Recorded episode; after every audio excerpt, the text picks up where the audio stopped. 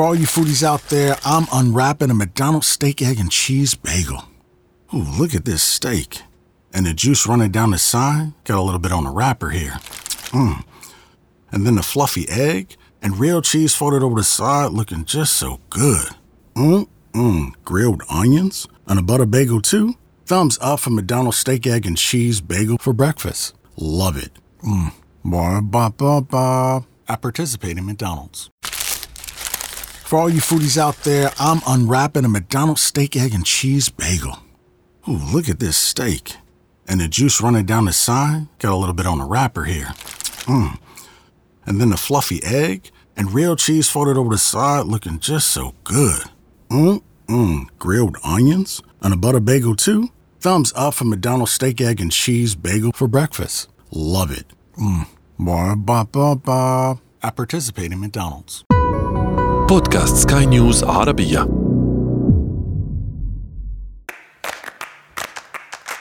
سؤال حر. تحية لجميع المستمعين الذين انضموا إلينا الآن لمتابعة السؤال حر عبر إذاعة سكاي نيوز عربية. معكم رنا خواند السؤال هو وسيلة للتخاطب والتفاهم وتبادل الأفكار. السؤال هو باب المعرفة ومفتاح للوصول إلى الحقيقة. وقد يكون هذا السؤال وسيلة لبدء حوار يفتح المجال لتبادل الآراء والاستماع إلى وجهات نظر مختلفة. ولكن ليكون الحوار وسيلة للحصول على الإجابات المتنوعة والمختلفة ومساحة لكم مستمعين للتعبير عن آرائكم بكل حرية. لابد وأن يكون هذا السؤال سؤال حر.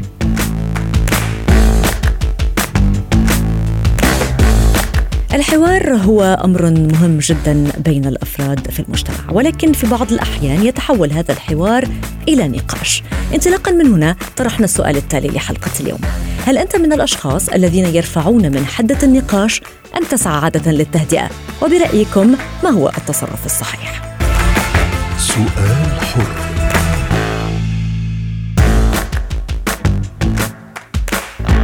العديد من الناس أجابوا عن سؤال حلقة اليوم. طبعا كل بحسب رأيه سوف نقوم بجولة سريعة على بعض هذه التعليقات التي وردت على وسائل التواصل الاجتماعي الخاصة بسكاي نيوز عربية.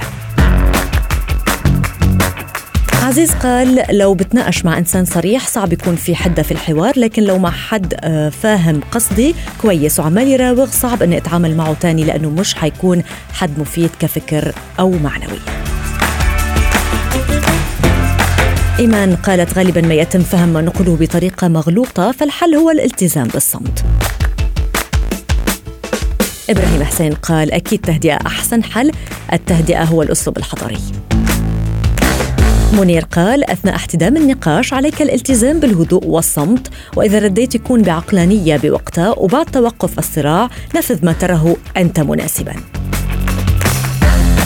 محمد قال آه والله حسب المزاج أصل المشاكل دي مزاج. نضال قال لا انفعال وسعي للتهدئة في الناتج حيكون اختلاف آه، فإذا فعلت أو لا. التعليق الأخير الذي سنتوقف عنده هو لعبده قال كل حالة إلها أسلوب معين بالنسبة إلى مرات بشعلها ومرات بطفيها ومرات بكب عليها بنزين وبحرق الأخضر واليابس. سؤال حر. للحديث أكثر عن هذا الموضوع وهذه المرة من الزاوية النفسية تنضم إلينا الاستشارية الاجتماعية والنفسية دكتور أمل رضوان. أهلا بك دكتور أمل. إذا نتحدث اليوم عن النقاش. في النقاش هناك طرفان طبعا آه، يعني كأي أو في الحوار أو في النقاش. ولكن عادة ما يكون القرار يعود إلينا إلى أي جهة سوف نأخذ هذا القرار. ما هي أبعاد هذا الموضوع؟ هل تختلف بحسب الشخصيات؟ بالتأكيد. يعني هي فكرة إن أنا يعني في قواعد عشان يحصل تواصل إيجابي بين الطرفين يعني في عدة قواعد أنا هركز على نقطتين رئيسيتين لأن هم دول اللي بيعملوا عملية نجاح للتواصل أو نجاح للحوار. فكرة احترام الآخر مهما اختلف معايا فكريا عقائديا سياسيا دينيا أيا كان الاختلاف. فأنا بحترم وجهة نظره حتى وإن اختلفت معاها. النقطة الثانية برضو وهي النقطة المهمة جدا هي فكرة الإنصات. الإنصات آه عملية مهمة جدا في استمرار التواصل الناجح والإيجابي لأن أنا لو حصل مقاطعات كتيرة لو أنا ما سمعتهوش فأنا بالتالي مش هفهم وجهة نظره. بالتالي أنا هستفزه هيتعصب لأن هو ما سبتوش إن هو يعبر عن وجهة نظره بطريقة كاملة.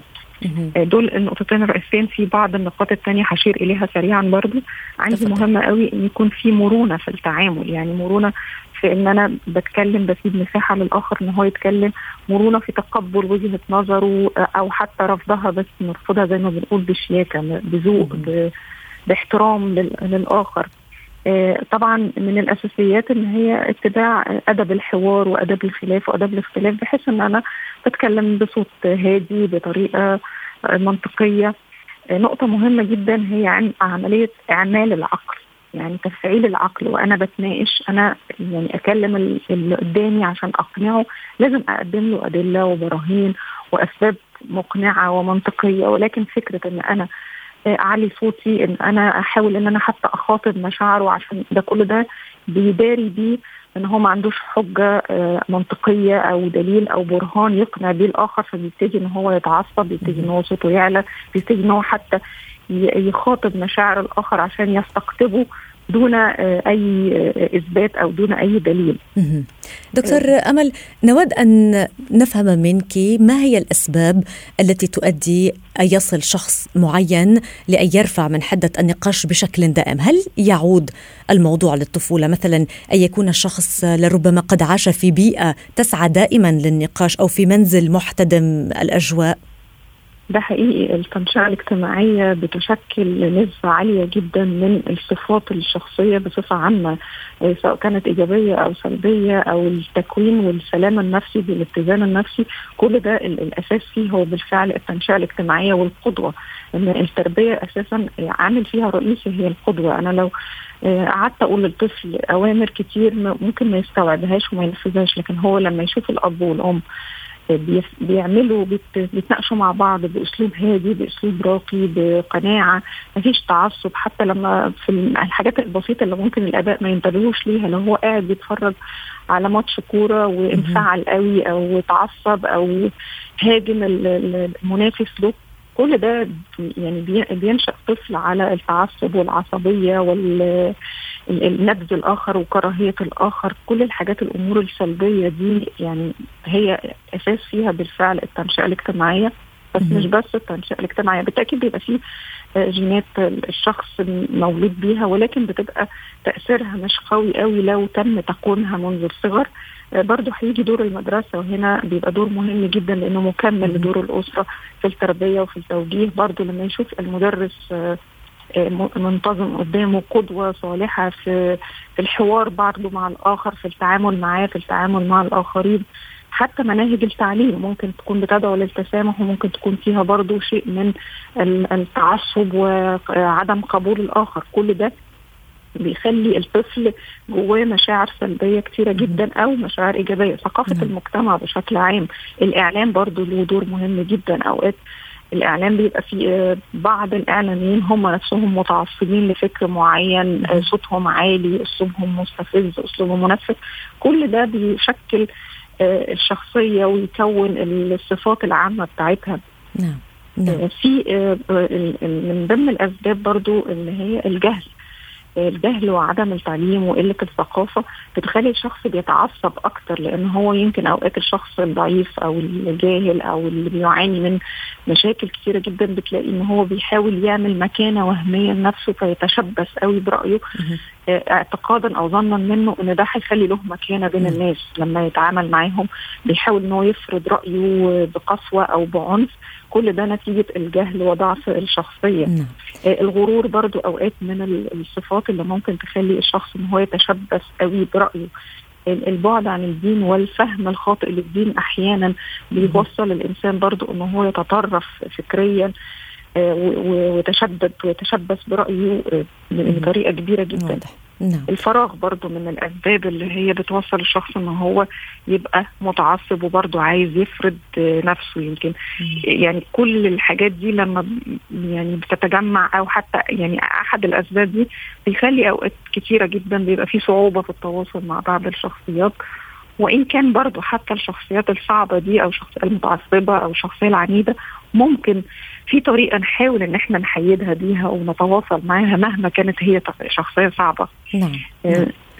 دكتور أمل كيف يمكن للطب آه، النفسي اليوم أن يساعد أشخاص آه، لا يمكنهم يعني هم يرفعون دائما من حدة النقاش ولكن بشكل لا إرادي، هل يمكن للطب النفسي أن يساعدهم؟ يعني هناك ما يعرف بال anger management أو جلسات آه، يعني التقليل من العصبية، فهل فعلا فعال هذا الموضوع ومتى يمكننا اللجوء إليه؟ بالتأكيد فعال وإيجابي وهو فكرة إن إن إمتى نلجأ له لازم يكون الشخص نفسه عنده رغبة التخلص من الصفة دي. يعني دي بتبقى دايما سبب رئيسي بيساعد المعالج النفسي إن هو يوصل بنتيجة إيجابية لكن لو شخص هو مش عايز يتغير مهما آه، حاولنا معاه هو مش هيتغير.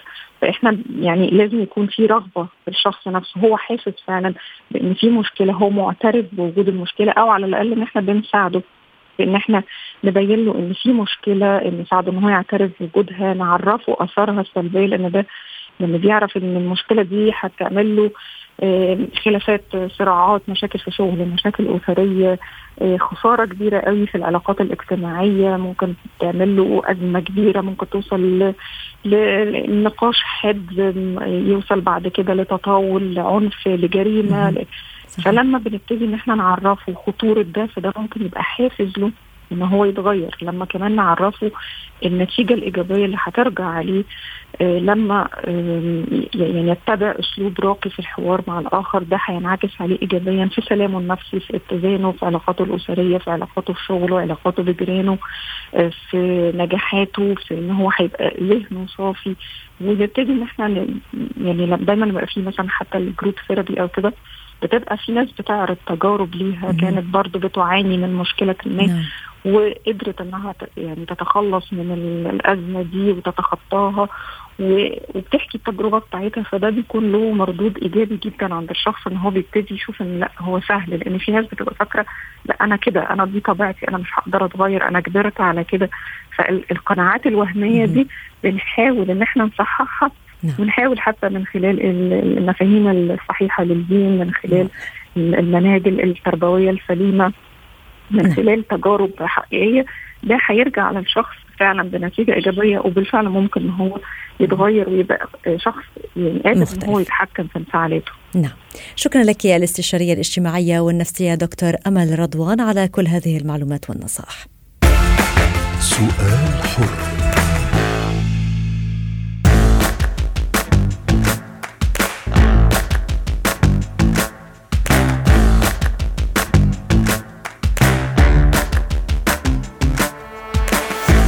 أعد وأذكر مستمعينا بسؤال حلقة اليوم. هل أنت من الأشخاص الذين يرفعون من حدة النقاش أم تسعى للتهدئة؟ وما هو برأيكم التصرف الصحيح؟ سوف نعود لبعض التعليقات لقراءة المزيد منها.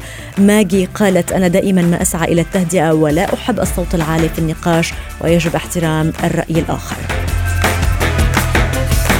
مروان قال أنا من محبي النقاش البناء لكن إن تم رفع الصوت فبالنسبة لي ينتهي النقاش.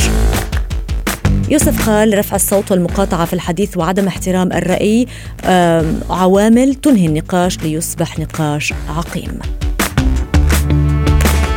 حميد قال أسعى للتهدئة محمد قال إذا لم نجد سبيل للنقاش وجب الانسحاب آيات قال للتهدئة والتصرف بحكمة. نادية قالت برود الأعصاب هو الحل. محمد قال أتعامل بعقلانية وهدوء أعصاب لأن لكل ردة فعل بالتالي يجب السعي للتهدئة لعدم تصعيد الموقف. وختاما طبعا كان هناك تعليق لمروان وأيضا خديجة قال للتهدئة طبعا. سؤال حر. والآن للحديث عن هذا الموضوع تنضم إلينا مدربة مهارات الحياة تانيا عوض غرة أهلا بك تانيا معنا ضمن سؤال حر. طبعا النقاش ممكن أن يأخذ اتجاهين كما ذكرنا إما التهدئة أو رفع حدة هذا النقاش. كمدربة مهارات حياة ما هي المهارات برأيك التي يجب أن نكتسبها لنحاول أن نبقي على الحوار ضمن الأصول وبالمسار الصحيح؟ صراحة آه، استمتعت بقراءة تعليق المستمعين الكرام نعم. لأن غالبا ما يخلط المرء بين حدة النقاش والصوت الذي المرتفع لأن الشخص آه، شغوف بالموضوع أو عزيز على قلبه نعم. وبين وبين الصوت المرتفع الغاضب والذي يقوم بجمع كل العالم تحت راية واحدة وبالتعميم إلى ما هنالك فالمضمون آه، له آه، أولوية على فهم هذا الصوت العالي نعم. هل المضمون هو يعكس شغف وغيرة على الموضوع آه، لأن الشغف يمكن أن يساهم في رفع الصوت وهذا ليس مشكلة نعم. بينما طبقة الصوت المرتفعة التي تترافق مع كلمات جارحة مع تعميم مع صور نمطية مع استخفاف برأي برأينا أو برأي الموجودين نعم هذا أمر يجب وضع الحد له إما بالانسحاب كما قال البعض إما بالتهدئة آه، التهدئة ولكن آه، هي آه، التهدئة أمر جدا حساس لأنني إذا كنت أمام شخص غاضب وليس مرتفع الصوت فقط. إذا كنت أمام شخص غاضب يقوم بكل ما سردت الآن نعم. أغلب الظن إن قلت له لو سمحت اهدأ سوف يفجر أكثر. صحيح. لأنه سوف يعتبرني وكأنني أعتبر نفسي معلمة كأنني أو أستخف بموقفه.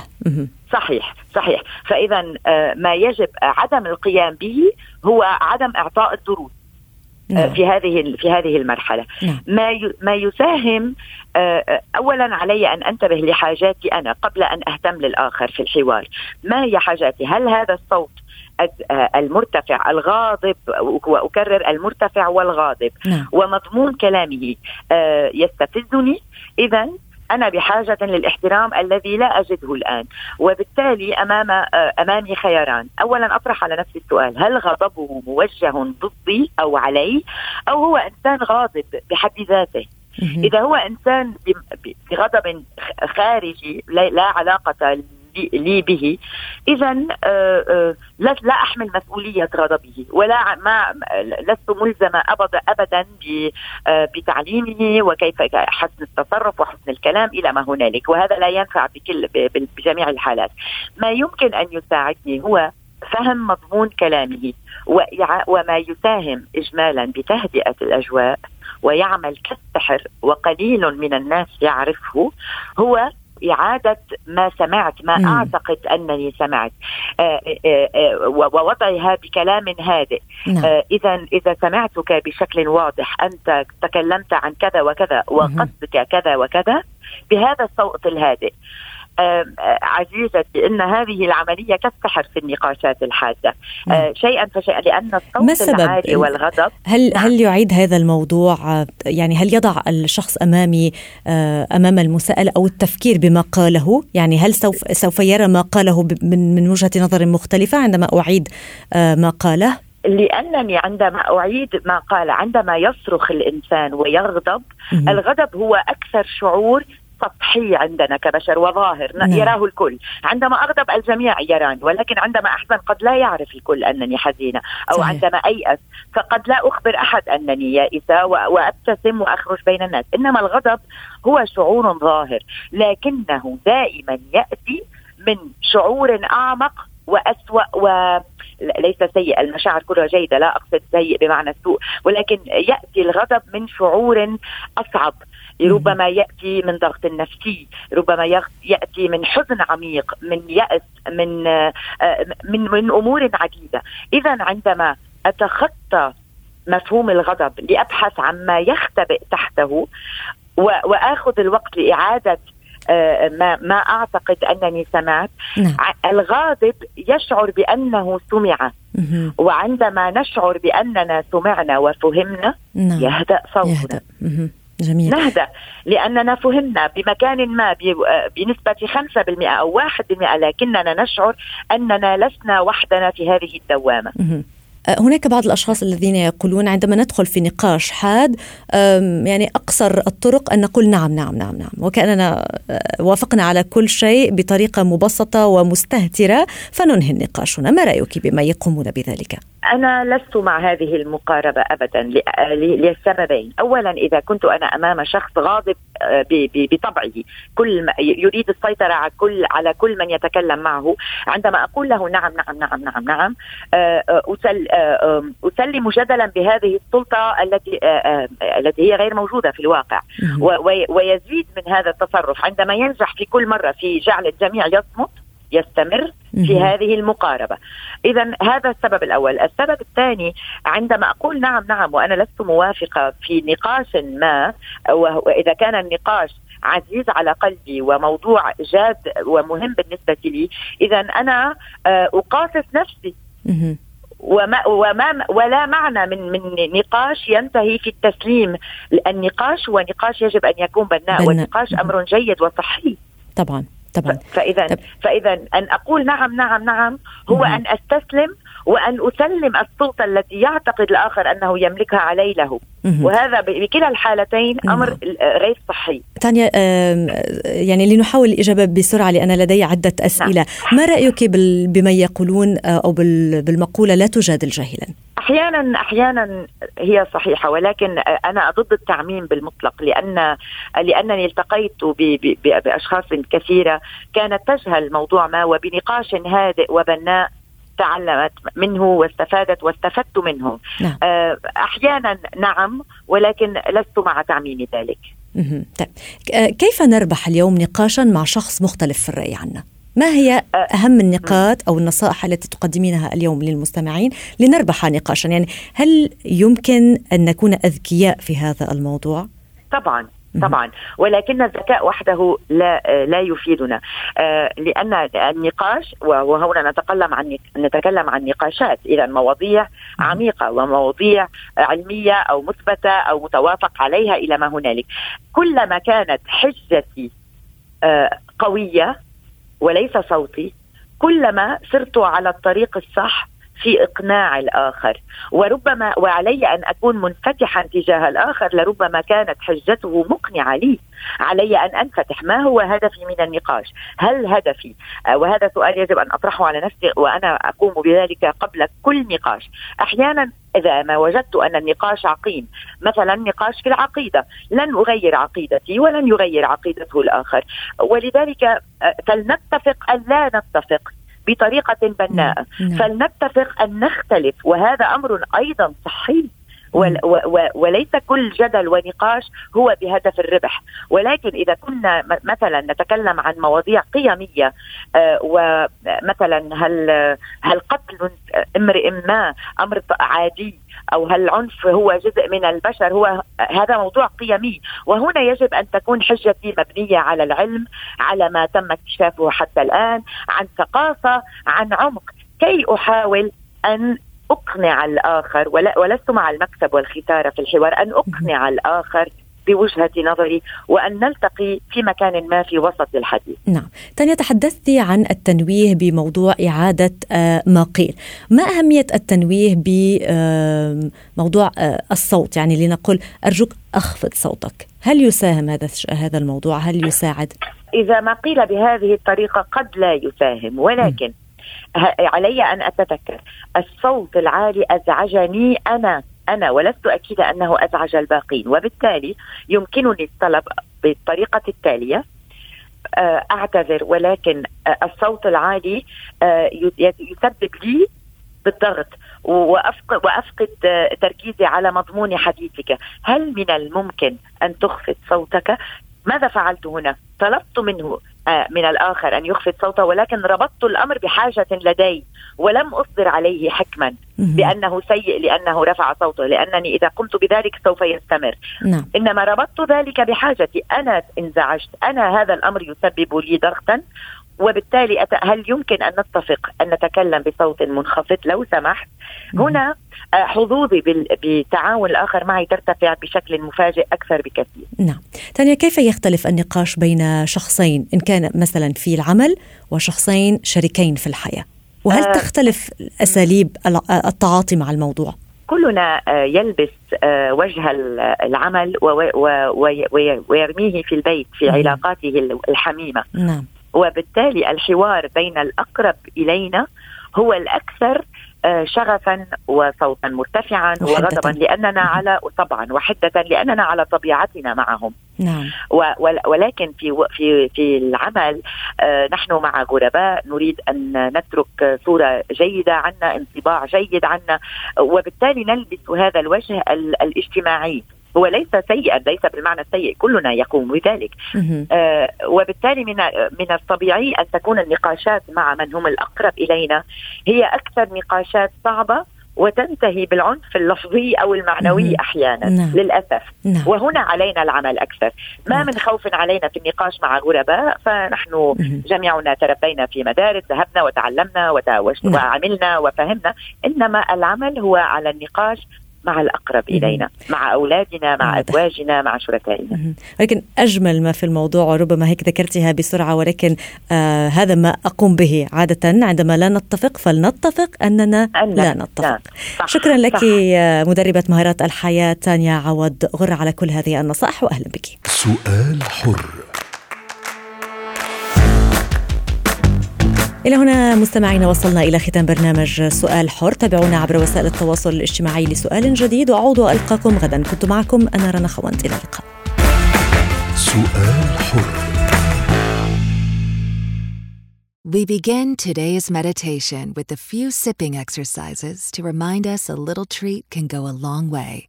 So pick up your McCafe iced coffees, close your eyes, and deep sip in